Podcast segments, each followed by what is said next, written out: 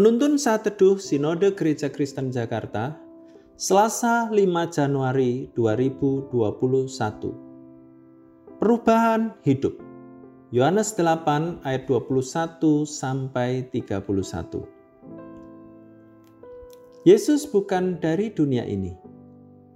Maka Yesus berkata pula kepada orang banyak, Aku akan pergi dan kamu akan mencari aku tetapi kamu akan mati dalam dosamu.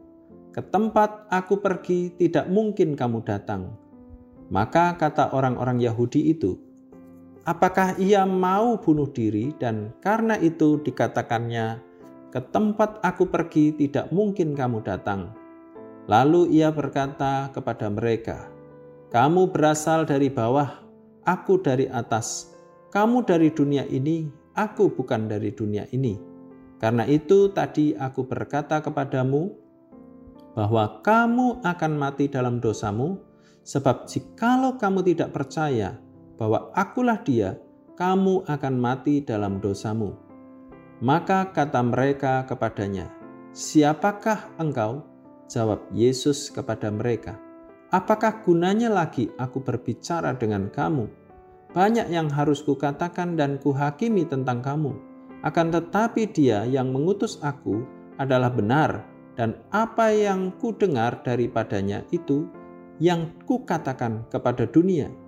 Mereka tidak mengerti bahwa Ia berbicara kepada mereka tentang Bapa.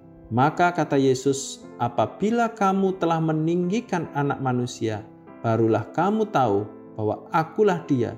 dan bahwa aku tidak berbuat apa-apa dari diriku sendiri, tetapi aku berbicara tentang hal-hal sebagaimana diajarkan Bapa kepadaku. Dan ia yang telah mengutus aku, ia menyertai aku, ia tidak membiarkan aku sendiri, sebab aku senantiasa berbuat apa yang berkenan kepadanya.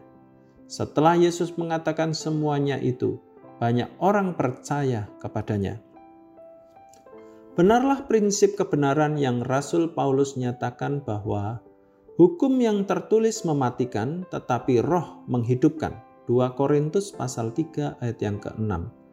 Rasul Paulus mengontraskan dua macam pelayanan ya dengan tujuan akhir yang berbeda. Pelayanan yang didasarkan pada hukum legalis kurang bernilai dibanding dengan pelayanan yang berdasarkan roh. Pelayanan berdasarkan roh bersifat menghidupkan dan lebih mulia 2 Korintus pasal 3 ayat yang ke-6. Jenis pelayanan inilah yang Yesus lakukan sehingga benar-benar mentransformasi kehidupan banyak orang. Pelayanan Yesus benar-benar mendatangkan suatu perubahan yang sangat menakjubkan dan berhasil maksimal. Pelayanan Yesus menyentuh dan juga mengubahkan kehidupan orang-orang Yahudi secara berbeda mereka mengalami perubahan karena percaya kepada Yesus Kristus. Ayat 30. Secara implisit ada kemungkinan orang-orang Farisi juga ada yang percaya kepada Kristus. Bagaimana hidup seseorang bisa diubahkan dan diselamatkan? Bila kita berdasarkan pada prinsip yang Yesus ajarkan, maka ada beberapa prinsip harus ditaati sebagai respon kita atas anugerah Allah. Adapun bukti keotentikan kita sebagai murid Kristus adalah ketaatan kepada firman Tuhan. Ayat 31. Tinggal dalam firmannya dan melakukan firmannya. Jadi bukan sekadar tahu banyak firman Tuhan, melainkan merenungkan dan melakukannya. Yesus memaparkan bahwa usaha manusia untuk berubah dan diselamatkan adalah sia-sia. Karena justru usaha tersebut akan mendatangkan kebinasaan atau kematian. Ayat 21. Jika demikian, apa solusinya? Yesus memberikan solusi yang pasti adalah melalui percaya kepadanya sebagai utusan Bapa yang mengemban misi penyelamatan atas manusia, terutama mereka yang percaya kepada Yesus Kristus sebagai Tuhan dan Juru Selamat. Kehadiran Kristus dan pelayanannya benar-benar mendatangkan perubahan hidup atas setiap orang percaya. Bagaimana dengan proses hidup kita selama ini? Apakah masih statis atau justru terus berubah secara signifikan dan berkesinambungan? Untuk mencapai kepastian dan keyakinan yang kokoh, kita harus kembali pada fondasi yang paling dasar, yakni melalui sikap yang sungguh-sungguh percaya kepada Kristus dan konsisten melakukan firman Tuhan.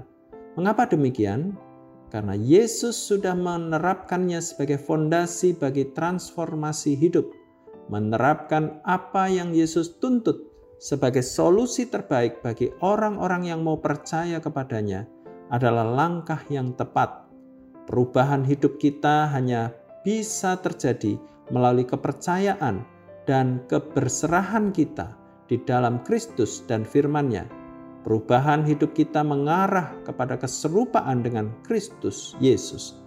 Karakteristik utama seorang murid Kristus adalah transformasi hidup karena konsisten percaya dan menaati Tuhan dan kebenaran firman-Nya. Tuhan Yesus memberkati.